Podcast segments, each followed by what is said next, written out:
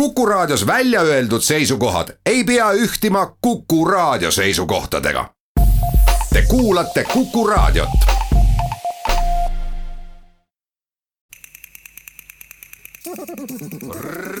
reisirada. tere, Kuku Raadio kuulaja, siin Tea Karin. tervitan teid saatesse Reisirada ja meenutan, et igal asjal on kaks külge peale mitmeid aastaid, mil ISIS kutsus džihadiste üles ründama Euroopa linnu, soovitavad nad nüüd neil Euroopasse mitte minna ja pesta käsi. juba nakatunud, kes on Euroopas, jäägu aga kohale ja kui õnnestub, nakatagu uskmatuid. annab Al-Naba uudised, juhiseid, nagu teatab The Sun Times of London. Meine Borsten, die ich immer pflege und sauber halte Normalerweise ist mein Platz im Zahnbecher. Da sollte er mich auch täglich finden. Doch weil heute so schön die Sonne scheint, habe ich mich auf das Fensterbrett vom Badezimmer gelegt. see oli aga innovatsioon Austriast. kuna vanavanemad ja lapselapsed praegu kokku ei saa, siis on Austria raadio loonud alates kuueteistkümnendast märtsist kella seitsme ja kaheksa vahel lastele kahekümneminutilise digitunni mil vanemad ja vanaisad loevad neile muinasjutte ette ja lapsed saavad videol seda jälgida. see rahustab, aitab kaasa sõnavara laiendamisele ja fantaasia arengule ja mis kõige tähtsam, viib mõtetes reisile teise maailma. meid kõiki on aga kutsutud koju, oma maale ja praeguses olukorras mitte reisima. saates on aga see võimalik.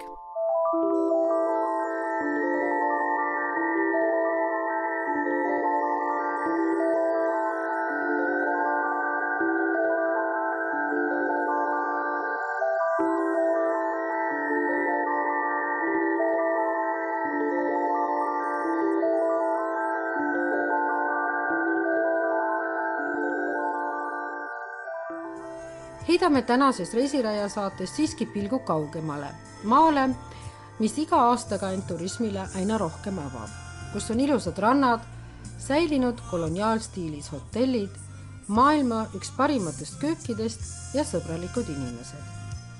reisirada läheb Kagu-Aasiasse, Mekongi jõe deltasse ja Vietnami keskpaika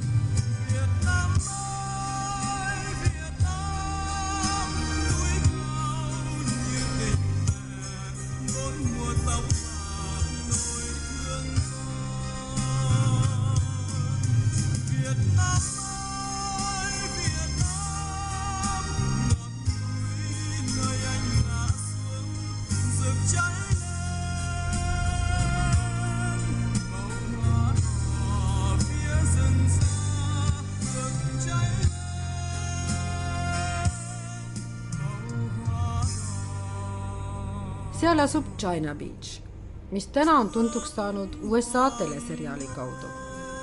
seda paika peetakse Kagu-Aasia üheks kõige kaunimaks.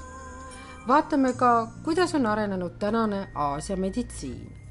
selle üheks põnevaks näiteks on Fito muuseum kunagises Saigonis, tänases Ho Chi Minh City's ühes väikeses kõrvaltänavas. räägime sündmustest mis olid Vietnami rahva jaoks väga keerulised ja mille mõju ulatub tänapäevani. reisirada kohtub kolme kunagise naispartisaniga, kellest tänaseks on saanud vanaemad. vaatame ka, kuidas näevad oma tulevikku Vietnami noored, kes juba kaheksa-üheksa aastaselt räägivad vietnami keele kõrval inglise, korea ja jaapani keelt. ning kuulame vahele muusikat, mida kuulevad vietnamlased.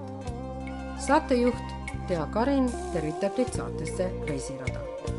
alustamegi lauluga lauljatarilt Tu Hien, kes ühendab traditsioonilist Vietnami stiili tänaste teemadega. laulu nimi Näeme jälle.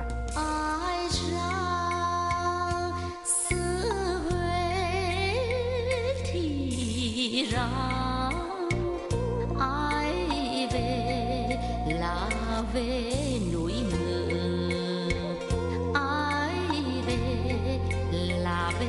sông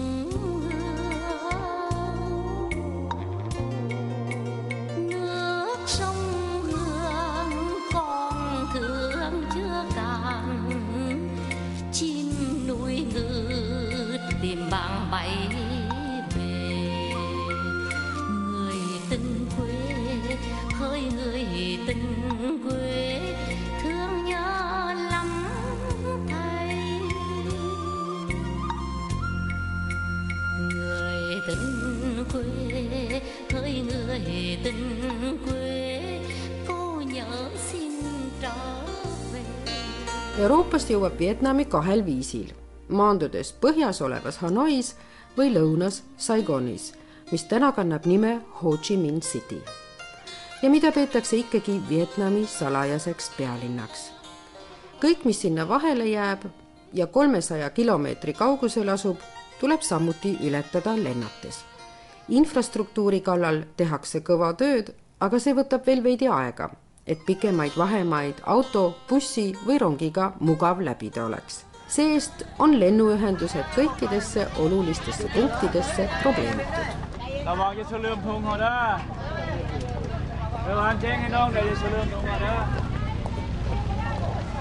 selle lähedal asub Vietnami üks kuulsamatest randadest, China Beach. suurema osa rannikust on tänaseks omandanud riik nüüd kerkib seal üks luksuspuhkekeskus teise järel. Raffles ja Hyatt on juba kohal. China Beach on täielik kontrast sellele kiirele ja elutäis linnale. hotelle piirava müüri taga avaneb vaikne oaas ja tuules kõiguvad palmid, mahevalgus ja rotangmööbel hotelli fuajees, vaibad ja kokteil. suurtes tugitoolides istudes on raske minevikku meelde tuletada, et just siin China Beachil maandusid sõja alguses, tuhande üheksasaja kuuekümne viiendal aastal esimesed USA väeosad. kuni tuhande üheksasaja seitsmekümne teise aastani seisis siin rannal Saksa Punase Risti laatsarettlaev Helgoland et just siin töötasid Malteseri abiteenistuse arstid ja õed, andes abi Lõuna-Vietnami haavatutele. täna on siin spaad, imeilusa sinise veega basseinid, terrassidel mängib muusika. If you're looking for a beach holiday, sunshine, relaxation, there's not too many places better than to come to than uh, central Vietnam and Da Nang. jaanuarist hakkab temperatuur tõusma ja veel septembri lõpus näitab kraadiklaas kolmkümmend neli kuni kolmkümmend kuus kraadi ilusat ilma on siin kaheksa ja pool kuni üheksa kuud aastas. Da Nang Kesk-Vietnamis on lähedal linnadele nagu Hue, Hoi An, kus igal pool on oma maitsvad spetsialiteedid, mida kohtab juba hommikusöögi büfeel. kes ka kodus tahab Vietnami kööki järele teha, teeb läbi kokakursused. Need algavad tavaliselt sellega, et kõigepealt antakse ülevaade, mida Da Nangi inimesed oma igapäevasel turukülastusel ostavad budismi reeglite järgi peab toit alati olema värske, seega tuleb iga päev käia turul. Furama puhkekeskuse peakokk Ko annab väikse ülevaate regionaalsest toidust. Siinjuures peab ära mainima, et nende jaoks, kes Vietnami kööki tunnevad, kuulub ta maailma parimate hulka. In Da Nang we have uh, mì Quảng. Mì Quảng is uh, Da Nang noodles noodle soup. It's famous in Da Nang. And from Da Nang to Hoi An, it's uh, very nice uh, Hoi An. We have uh, Khao Lao. Khao Lao but same same mì Quảng but dif- different take.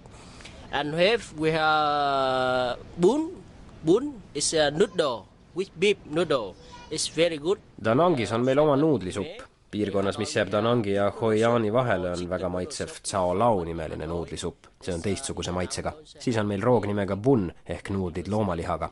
Hoianis on jällegi oma nuudlisupp. muidugi ka Danangis on palju muid erilisi roogasid. Roll, roll with pork. It's uh, like ham roll. It's very famous in Nang with uh, prawn, uh, pork, and some vegetable. It's like carrots and roll with uh, paper. Very famous with sauce. Absolutely. Danangis tehakse meil ka roogasid sealihast, näiteks on sellised kuulsad singirullid, neid tehakse krevettide ja juurviljaga, sisse pannakse porgandit ja rullitakse kõik riisipaberisse. loomulikult on terves Vietnamis, kus on kolm tuhat kuussada kilomeetrit rannikut, palju mereande. juba varasel hommikutunnil on kuulda pisikeste kalapaatide popsumist ookeanil. Nemad tulevad randa värske kala, krevettide, teokarpidega siis istuvad naised päikese eest varjul suurte telkide alla ja puhastavad värvilisi teokarpe, mida saab terve rand täis. mehed tirivad merest välja suuri kalavõrke. Koo ütleb, et mereannid on ka nende igapäevane söök. kõik on väga värske, on krevetid, langustid, krabid. My home is near the, the beach, so we have to try, try the seafood all day. Whole day with uh, fish, special fish, very good for your health. ma elan ranna lähedal, nõnda sööme me kodus iga päev mereande. meie lemmikuks on praetud kala või kalasupp, mis on ka väga tervislik. sisuliselt sööme me iga päev kala. ja Ko teeb minuga väikese toidualase keelekursuse, tutvustades Vietnami kõige traditsioonilisemaid roogi. And uh, the last one we have uh, phở, phở, phở, bò uh, hoặc gà. Beef or chicken, we say phở, bò or gà. ja Ko näitab hommikusöögilaual, kui mitmekesine üks Vietnami hommikusöök võib olla. siin on rooge, mis pärinevad kuningalinnast Hue, lähedasest seitsmeteistkümnenda sajandi stiilis Hoi Annist, pealinnast Hanoist ja Saigonist endast. reisirada aga mitte ainult söögist me ei ela, ütlevad vietnamlased. Vietnam on budistlik maa ning siin on vaja teada, mida tuleb silmas pidada, et inkarnatsioon võimaldaks maailma tagasi tulla inimesena ja mitte loomana. millised on need kümme asja, mida budist peab teadma? nii uurime me pagodas koos Taaniga pilte seinal, mis tutvustavad inkarnatsiooni ja budistlikku ringkäiku Vietnamis igapäevane religioon või õigemini elustiil on suurelt jaolt mõjutatud Theravada ja Mahayana budismist. rolli mängib siinjuures ka taoism, konfutsianism nagu ka animism.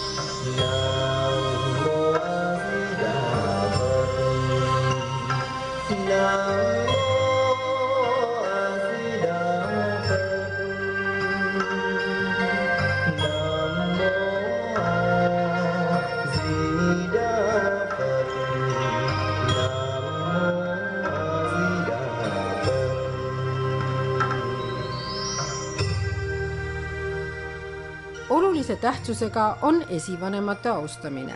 sealjuures ei looda dogmasid, millest oleks kohustuslik kinni pidada. rituaalseid tavasid kohandatakse erinevate mõjutustega, mis vastavalt isiklikele vajadustele vastavad ja argipäeva olukorraga sobivad.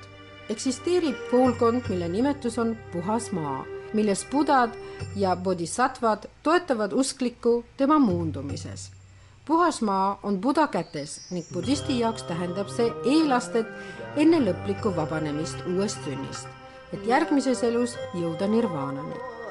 ja nii selgitab Tan, miks siia pannakse nimesid, miks ja kuhu lõhnaküünlaid. siin palvetavad budistimungad nende nimede nimel õnne, tervise ja rahuliku elu eest. see on meile tähtis.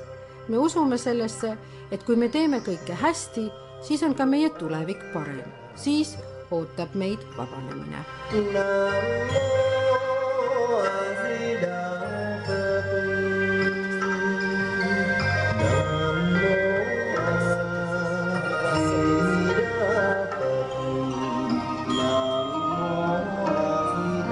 Oh, because you know they want to uh, Buddhists, you know, they want to write the his name, their name, and then stick here. Pray for the peaceful, healthy, happiness, and lucky in the life. You can do, I can do. I write the name, my name, and give to the pagoda, and the pagoda will sticky your name here to pray for you, will peaceful. You know, so that's why very important to the Buddhists. Everyone believe you will be get the uh, relief. You know, if you believe, everyone will be get better, get better, much better in the future. Yeah, you can see it with the map. You can see this one. They show you the ten. Ten words, you ning know, Tan selgitab ka millal on võimalus pääseda taevasse ja millal satub põrgusse. ta selgitab kümmet käsku, mida budist peab täitma. Elus pead sa teadma, milliseid häid asju sa pead tegema. Kui sa teed head, siis see mõjutab ka sinu inkarnatsiooni. Siin on näha, mis sinuga toimub, kui sa halbu asju teed, milline see karma siis on. siin on ka yin ja yang, mis on Budast allpool, siin on bodhisattva. If we have ten words, you must keep this. You must know this one about, you know, one, two, three, four, five, six, seven, eight, nine, ten. We have ten words like this. Yeah. ning Tan toob mõned näited. That means you never, um, uh, you never angry, too angry. You know, so angry that's not good in the Buddhist. And come see me, uh, this one, the ten. You know, you must keep this one as the never to passion for something is no, no uh, justy, you know, it's like you you like drinking, you like alcohol, you like um, uh, make love, you like that's one, it's not good for for the man, you know. So, so, so that's why you must keep ten.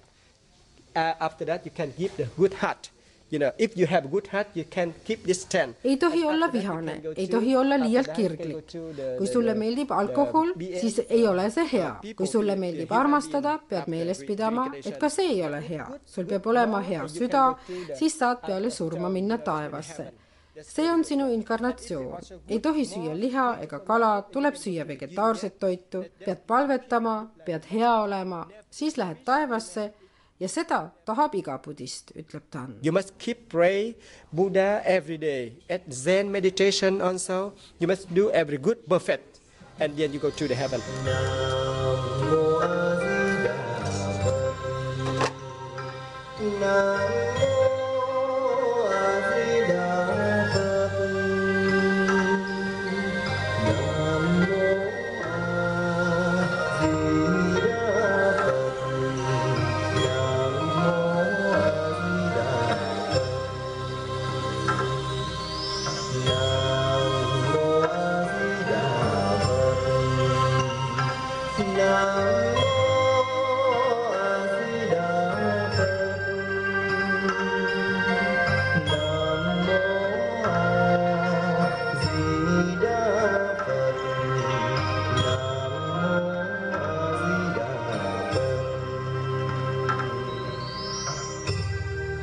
Saigonis on alles imeilus maja Buang Kao Tang tänavas, mis peidab endas vana ja uut Aasia meditsiinitraditsiooni. see on fitomuuseum, mis on toodud Saigonist raskelt leitavasse kõrvaltänavasse Põhja-Vietnamist. kolm tuhat eksponaati kaheksateistkümnes toakeses kokku kuuesajal ruutmeetril on samas ka ülistus Le Hu Trakile ehk Hai Thuong Lang Ongile, keda peetakse kaheksateistkümnenda sajandi Vietnami traditsioonilise meditsiini pioneerideks. üheks erilisemaks on suur kollektsioon nugasid, millega ürte peenestatakse. mõned noad on väga vanad ja tehtud erinevast materjalist. Neid on nii kivist kui pronksist, savist, rauast, väärtpuidust. kõige vanem nende seas püüti kalurite poolt välja Punases jões ning pärineb kuuendast sajandist. meditsiini juurde kuuluvad ka erinevad potid ja tassid, kaalud, uhmrid ja spetsiaalsed alkoholipütid. Phyto Pharma Corporation on esimene eraomanduses olev ettevõte Vietnamis. väikesest kauplusest Phytomuuseumis saab traditsioonilisi ravimteisid osta ning mitmeid eksootilisi ravimeid, mille järgi on nõudlus ka Ameerikas ja Jaapanis. ấy anh đã làm bằng viên đạn đồng san trôi ấy cúc của quân thù làm một ngày gửi về cho em Läheme Saigoni eeslinnas ühel kõrvaltänaval külla traditsioonilisse Saigoni majja. majad on kitsad ja kõrged, aia ja fassaadi vahel on parajasti nii palju ruumi, et sinna mahub jalgratas või mopeed. esimene ruum on suur ja lage, seal seisavad halva ilmaga mopeedid, seal on ka suur diivan ja laud. meie istumegi sellesse ruumi, suurel diivanil kõrvuti kolm naist, nende taga kõrgele seinale maalitud lootuselill. Nemad olid kunagised partisanid. nüüd elavad nad selles linnaosas oma peredega. Nad tutvusid sõja ajal, kui olid seitseteist, kaheksateist aastat vanad, siis said neist sõbrad ja nende elutöö on kokku kasvanud tänaseni. Tôi muốn đóng góp ờ, thêm cái ý của bà chị tôi vừa nói thì ờ, nói chung là chị em chúng tôi đó mỗi đứa người ở một tỉnh không ai ở chung với ai cả. Nhưng mà khi đất nước bị ờ, xâm lược á, đánh phá đó thì chị em chúng tôi là sẵn sàng me elasime Vietnami eri piirkondades, aga sõda tõi meid kokku. hakkasime partisanideks ja võtsime sõjast osa. alguses ei osanud keegi üldse ettegi kujutada, mida see kõik tähendab. üks tegi sõjapropagandat, teine lõi kaasa vastupanuliikumises. kõigi eesmärk oli ühine, kaitsta oma kodumaad, oma rahvast ja muidugi nii palju kui võimalik vaenlasi tappa üks meist elas Saigoni lähedal Kuchi piirkonnas, ta õppis sealses partisanilaagris miinide paigaldamist. sõdurid õpetasid meile relvade kasutamist, õppisime ka seda, kuidas džunglis elada. ka meie aitasime sõdureid, olime neile nii ema kui õe eest. vestluse käigus selgub siiski, et nemad ise kedagi sõja jooksul tapnud ei ole aga vangi sattusid nad koos ja seal nad tutvusidki. ở Chí Hòa đó rất nhiều người tù mà có những người thì chống đối những người thì không chống đối bị bắt vô đó vẫn chào cờ của nó còn riêng chị em chúng tôi là hai trăm mấy chục chị em là không chào cờ và không chấp hành cái nội quy quy định của nhà tù. sõdurid võtsid meid kinni ja viisid vangi. alguses oli meid rohkem, aga kolm meie seast tapeti. meid karistati, kui me mingil põhjusel neile vastu hakkasime. näiteks meenub mulle, kuidas Ho Chi Minhi surma puhul korraldasime me tema austuseks miitingu ja meid karistati selle eest. pandi range režiimiga vanglasse. me ei saanud viiskümmend viis päeva end pesta, vett piisas vaid, et veidi juua saaks teinekord ei saanud me kümme päeva järjest süüa ja vahel meid peksti. oluline oli nende jaoks tollal see kõik üle elada ja nii nad hakkasid laule looma. đây quả ngục để lao nha tòng nóng như thiêu đêm cùng như ngày mồ hôi chảy nước đầm anh áo rách. koos lauludega tulevad ka mälestused naised noogutavad ja esitavad oma laule järjestikku, sest igaüks neist lõi oma laule. Nad olid kõik erinevad meloodia ja sõnade poolest. perekond ja külalised kuulavad ja plaksutavad. nhưng quả ngục để lao vẫn vang lên lời ca tiếng hát xe nát không gian lẫn áp tiếng gong xiềng условия не будут тяжелые, они все равно весело и думают о победе. Dan tõlgib, tema on käinud Moskvas ülikoolis. ta ei räägi küll inglise keelt, see-eest aga vabalt vene keelt.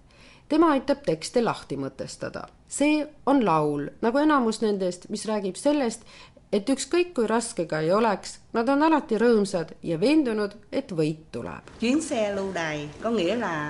à, muốn nói lên cái à, tụi nó mỗi một lần đầy tù nhân đi ra ngoài đảo hay là đi nơi một nơi nào vậy đó kui me haavatud sõdureid lahinguväljalt ära tõime, me alati laulsime, et oleks julgem tunne ja jätkuks jõudu. nõnda tuligi meil ise laule luua, sõnu ja muusikat välja mõelda. Nendes lauludes on juttu sellest, kuidas raskes olukorras mõeldakse ema, pere ja sõprade peale ning unistatakse sellest, et saaks jälle nendega koos olla. vangis olles oli tollal oluline, et neid koheldataks kui poliitilisi vange kui neid taheti kokku panna kurjategijatega, siis hakkasid nad vastu ja said jälle karistada. aga tuhande üheksasaja seitsmekümne neljandal aastal, kui nad vabastati, siis vabastati nad kui poliitilised vangid. vana režiim oli lõppenud, ütlevad nad. tänaseni tunnetavad nad aga, et neid ja nende tegusid hinnatakse Vietnami ühiskonnas kõrgelt. tức là như bác Hồ có chủ trương là như chị Hòa nãy nói đó là anh hùng bất khuất trung hậu đảm đang cái người phụ nữ đề cao cái tính chất của người phụ nữ nói chung mà nói riêng của từng người từng người ví dụ như là chị Úc Tịch Vietnamis hinnatakse meid kõrgelt, igaüks meist võitles ju sõjas, kõik said ka aurahad ja vastava pensioni. meil on põhjust rahul olla ja me oleme uhked, et meid kangelasteks nimetatakse. naised võtsid sellest sõjast osa samuti nagu mehed. meil on üle riigi palju ausambaid, mis kujutavad relvadega naisi sellisena kujutas meid ette Ho Chi Minh, tema kuulutas meid tõelisteks kangelannadeks, öeldes, et naised kaitsevad kodumaad meestega võrdselt, võitlevad sõjas ja samas on veel ka emad. mitmes Vietnami linnas on niinimetatud naistemuuseumid, kus peale rahvarõivaste kuuluvad ekspositsiooni ka ruumid, mis on pühendatud naiste võitlusele Vietnami sõjas. torkab silma, et skulptuuridel ei kohta Euroopa traditsioonis pietaad, leinavat ema. siinsed skulptuurid näitavad naist alati relvaga ka laps käe kõrval või süles on Vietnami naine bambuspiiki teritamas. Nendes muuseumites kohtuvad kunagised naissõdurid, seal meenutavad nad sõjas möödunud noorust ja laulavad ühiselt laule.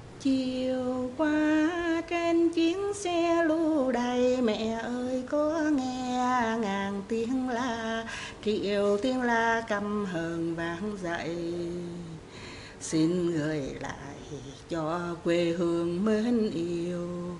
Xin gửi lại muôn nhớ thương cho mẹ yêu, cho anh đồng chí. Đang chiến đấu từng phút giây bên hút năn giặc mỹ, vượt lối đi trên lứa bom quân thù mẹ ơi thương nhớ thương tim lòng rỉ máu theo bước chân trên đường xuống tàu.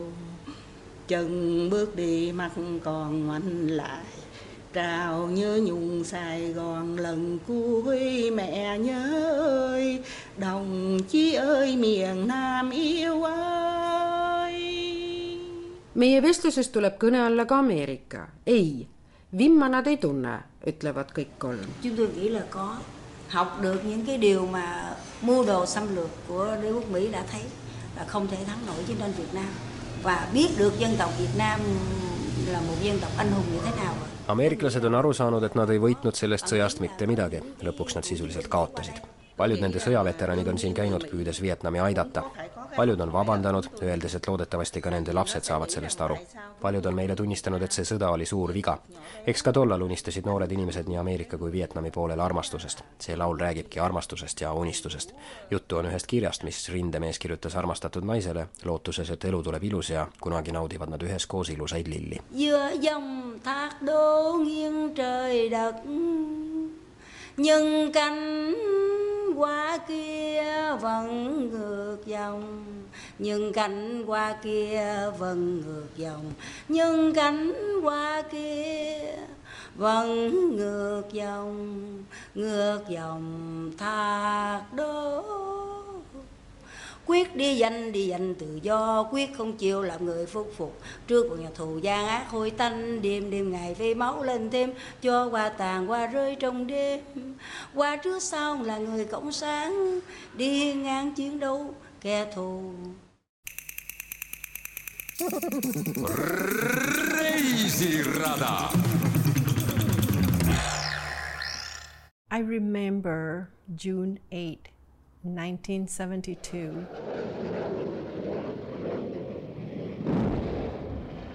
I saw the airplane and it's so loud, so close to me.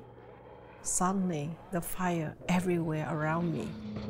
The fire burned off my clothes, and I saw my arm got burned with the fire. I thought, oh my goodness, I get burned people will see me different way. nii meenutab tollaseid sündmusi naine, kellest sai Vietnami sõja ikoon nimega Napalm Girl. see oli kaheksas juuni tuhande üheksasaja seitsmekümne teisel aastal, kui ta nägi lennukeid, mis olid väga lähedal ja igal pool tuld. ta oli siis üheksa aastat vana, kui tast sai sõja ohver, ütleb ta kõik ta riided põlesid ära ja nii jookseb ta koos vendadega paanikas alasti. mulle see foto üldse ei meeldinud ma mõtlesin, miks nad tegid seda ja kui ma olin agoonias, alasti nii kole, ma soovisin, et seda ei oleks tehtud. peale seda tehti mulle seitseteist operatsiooni, ma kannatasin iga päev, minu nahk on nagu pühvlinahk, seal ei ole poore. ma ei higista kunagi ja see väsitab mind väga, valmistab peavalu, tekitab viha ja mõnikord kibeduse tunde. miks see juhtus minuga? Nine years old, I became a victim of war. I didn't like that picture at all. I felt like why he took my picture when I was agony, naked, so ugly. I wish that picture wasn't taken. I went through 17 operations. I have to deal with the pain every single day. I used to compare my scars with buffalo skin. And because my skin wasn't have any pores. I cannot sweat. Make me feel so tired, so headache. It built me up with hatred, bitterness, and anger. I just living with the question, why me? Why that happened to me? nime all Kim Fuk sai ta kuulsaks. tollal tahtis ta oma elu lõpetada, et lõpetada sellega kõik kannatused. tegemist oli väga julma sõjaga. ohvreid oli palju ka USA poolel ehk USA ajaloo kolmas kõige ohvriterohkem sõda. nii ütles meie vestluses veel Mart Nutt ajaloolasena. Vietnami poolel sai surma kaks miljonit inimest, enamasti tsiviilelanikkond. keemiarelvade kasutamine suurendas ohvrite hulka.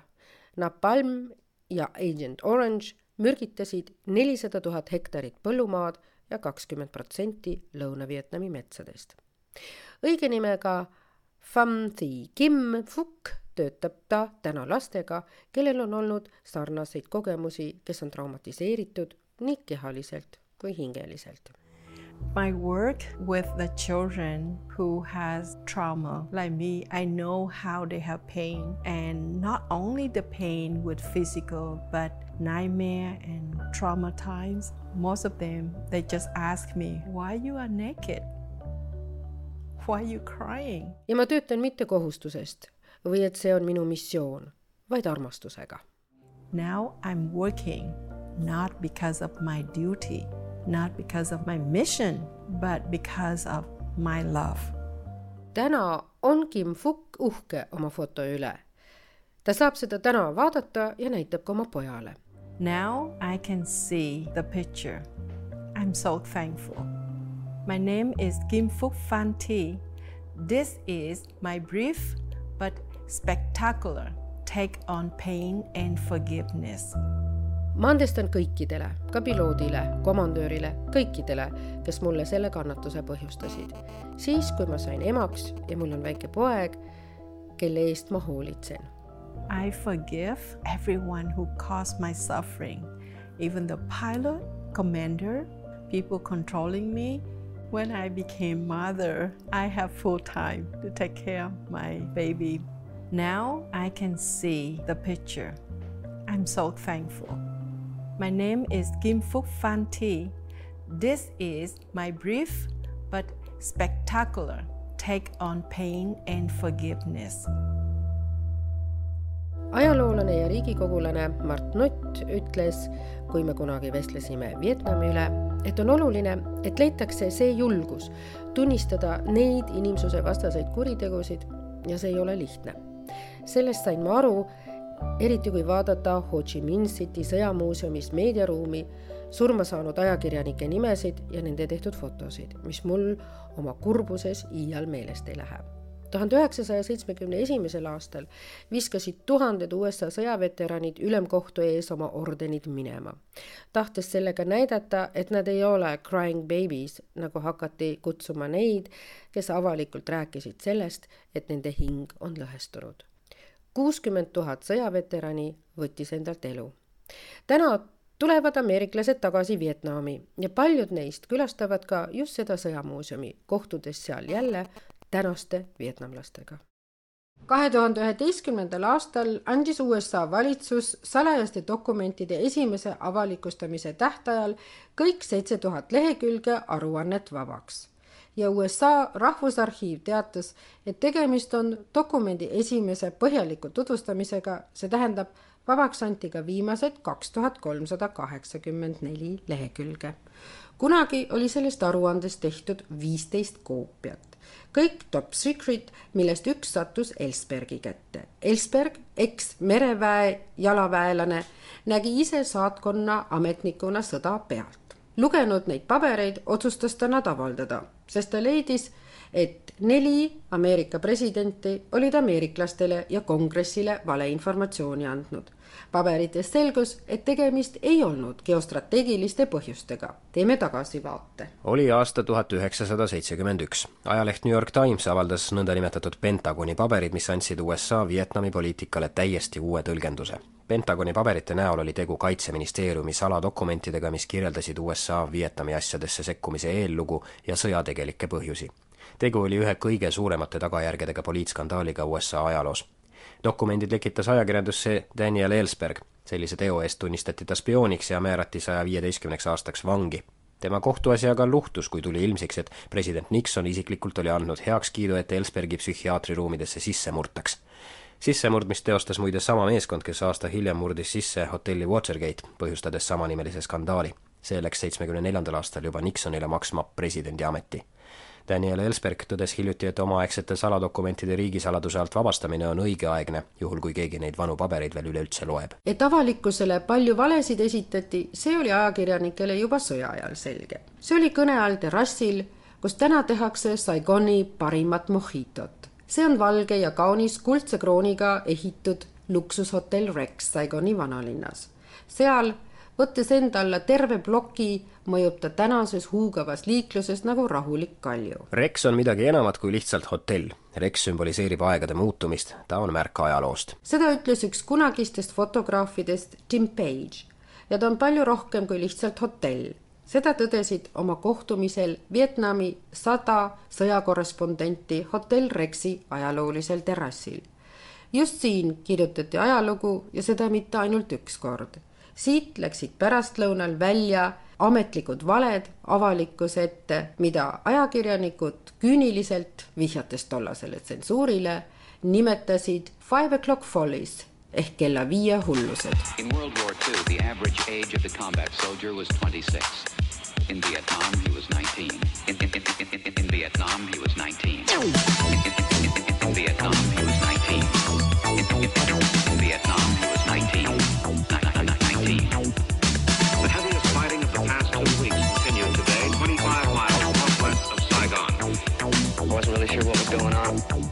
Milline nägi aga konkreetselt välja vietnamlaste vabadusvõitlus? sellest ülevaate saamiseks ei ole vist paremat kohta kui Cu Chi tunnelid seitsmekümne kilomeetri kaugusel Saigonist. tegemist on käsitsi kaevatud kahesaja viiekümne kilomeetrit pika tunnelisüsteemiga, mis asub kolmel tasandil. selle kohta võib öelda, et ta on nii tehniliselt kui strateegiliselt meisterlikult tehtud sissepääse ja õhuauke tunnelisse varjab perfektselt Vietnami džungel ise. isegi uriinisensorid, mida ameeriklased kasutasid, ei aidanud tunneleid leida.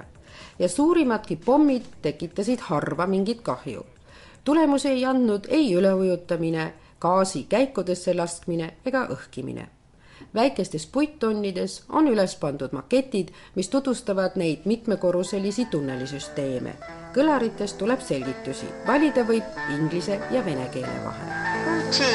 A small piece of land only 150 square kilometers with a road and water system, large and complicated like a spider web next to the eighth highway of Saigon City. Need käigud, millesse vietnamlased mahuvad imelihtsalt, olid liialt kitsad, pealegi ootasid käikudes lõksud, granaadid, mürkmaod bambustorudes. Need võisid olla ka mürgised ämblikud ja rotid. tunnelite läheduses maa peal oli ameeriklaste jaoks ette valmistatud lõksud, mis põhjustasid kohutavaid valusid, aga ei tapnud ja millest oli raske end vabastada. iroonia tipuna olid need lõksud valmistatud ameeriklaste sõjaprügist isegi lõhkemata pommid panid Vietcongi võitlejaid oma elu ohtu seades mängu. Thousands of miles away from USA. With their modern powers of 60 years B-52 poisonous power, wanting to put their foot into the southern revolutionary area so that the Saigon government could breathe, although they had nearly fallen 12 times.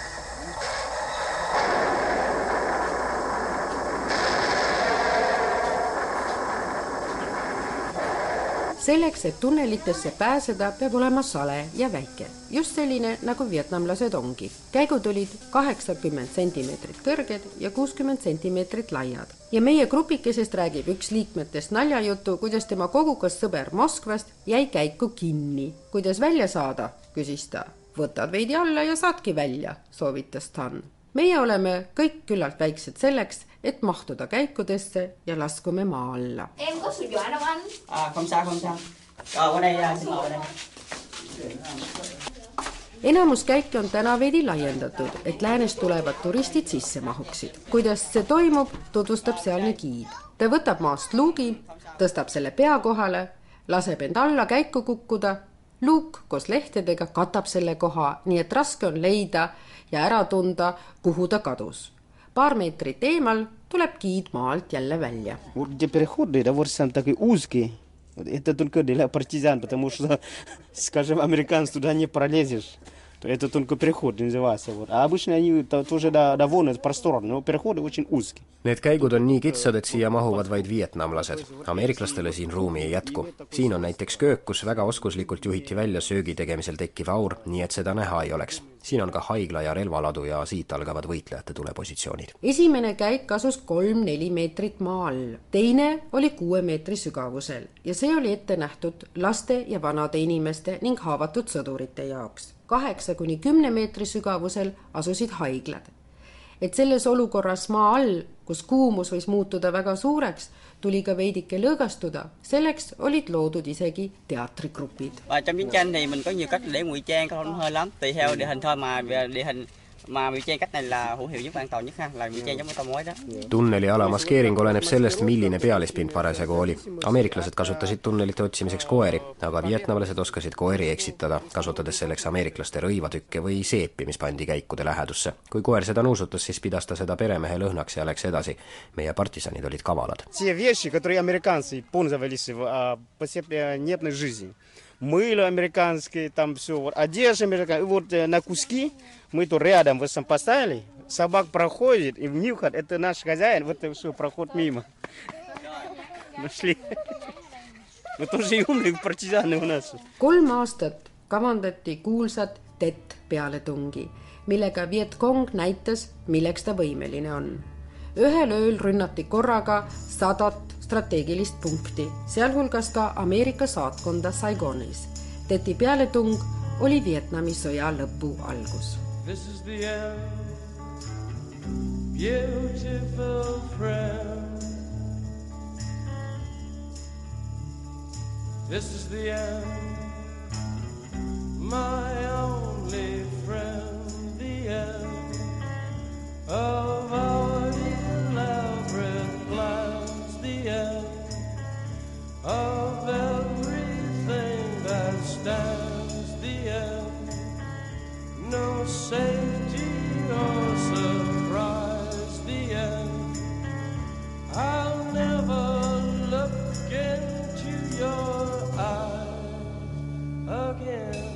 Vietnami sõda on köitnud mitmeid režissööre ning valminud on hulgaliselt filme. Full Metal Jacket, Good Morning Vietnam, Apocalypse Now on mõned neist.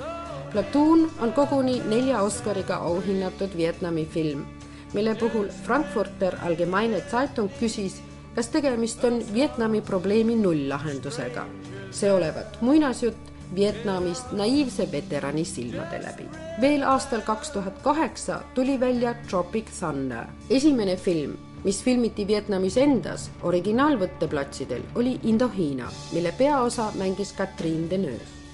Enamus filmidest on vaatamata sõjatseenidele siiski ilustatud ega anna tegelikult seda edasi, mida tähendasid need sõja-aastad üks, kes oli seisukohal, et sõda tuleb edasi anda sellisena, nagu ta on, oli fotoreporter Horst Faas, kes oma töödega üksteist aastat, pikemalt kui ükski teine, tegeles Vietnami sõjaga. Horst Faas oli Saigoni Associated Pressi büroo juhataja ning avalikustas ehk kõige tuntumad fotod, mis läksid üle maailma. üheks nendest oli Nick Utsi pilt Napalmi rünnaku eest põgenevast perekonnast, esiplaanil paljana tüdruk Kim Fuk olgu siinkohas muuseas ära öeldud, et Kim Fukist on täna saanud UNESCO rahusaadik ja vabadusaktivist. Faas õpetas Vietnamis välja nii Vietnami kui välismaiseid fotograafe. Kujunes välja nimetus Horst Army. ta ise viibis võitlusväljadel ning sai juba sõja algaastal granaadikillust haavata oma fotodega helikopterirünnakust Vietkongi laagrile ennetas ta ehmatavaid perspektiive, mida hiljem näitas Coppola oma filmis Apocalypse Now. tema kõige kuulsam pilt oli leinavast emast poja kohal, kelle surnukeha on nööritud plastikfooliumisse.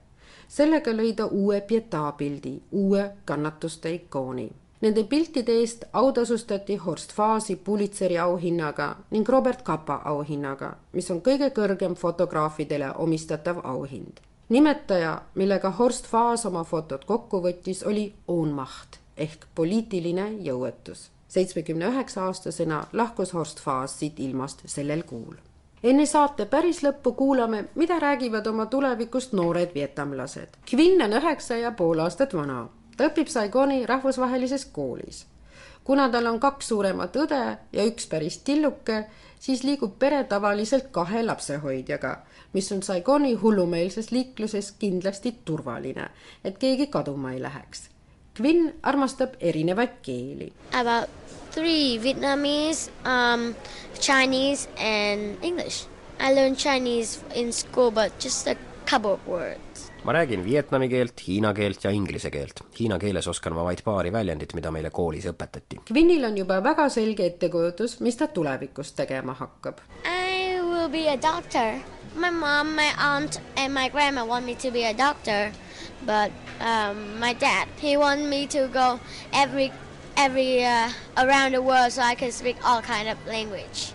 tulevikus saan ma arstiks. minu ema, minu vanaema ja tädi, kõik nad tahavad, et minust saaks arst. minu isa aga tahab, et ma sõidaks mööda maailma ringi, siis õpiks ma veel palju keeli selgeks. ma armastan loomi ja lapsi ja tahangi arstiks saada. keeled ongi see võlusõna Quinni jaoks, mis ta laia maailma viib. I will be a doctor for somewhere else because Vietnam I don't like it so much because I need I need to speak English, so I didn't like to stay in Vietnam. I'll go I'll go try in Australia so I can have a chance to speak English. arstiks hakkan ma kusagil mujal, mitte Vietnamis. ma ju räägin inglise keelt, ma arvan, et ma lähen Austraaliasse, sest seal saan ma inglise keelt kasutada ja arstiks hakata. seega Vietnami noortele on maailm lahti, vähemalt nendele, kellel on võimalus saada hea haridus ja õppida keeli paljud probleemid Vietnamis vajavad aga veel lahendamist ja nii tuleb sõjast johtuvate probleemidega aktiivselt edasi tegeleda. sest sõda, mida Vietnamis nimetatakse Ameerika sõjaks, nõuab siiani ohvreid. resirada vaatas Cu Chi tunnelitesse maa lõunaosas ja kuulas naispartisanide meenutusi. seega lõpetame saate ühe isetehtud lauluga, milles on palju lootust saate tehnilise külje eest vastutas Veiko Rebane. Teksti luges Jüri Mutika. saatejuht ja Karin ütleb selleks korraks head aega. chân bước lên bon tàu đầy ra hải đảo lòng vẫn vương, ngàn cánh chim bên dòng sông hồng theo dõi lòng trên quê hương máu sương con đừng lặng nghe xót thương gieo hờn căm trong tim bừng sôi. Con thể quyết, vì nước non luôn đấu tranh bền dưng lòng sắc son trên đỉnh cao xích xiềng. Mẹ ơi! Tuy cách xa nhưng lòng vẫn sáng như ánh sao đêm về trên tàu mẹ nhớ con xin mẹ chớ buồn. Giang khổ nơi ngục tù côn đau mẹ nhớ ơi, đồng chí ơi, miền nam yêu ơi. Reisirada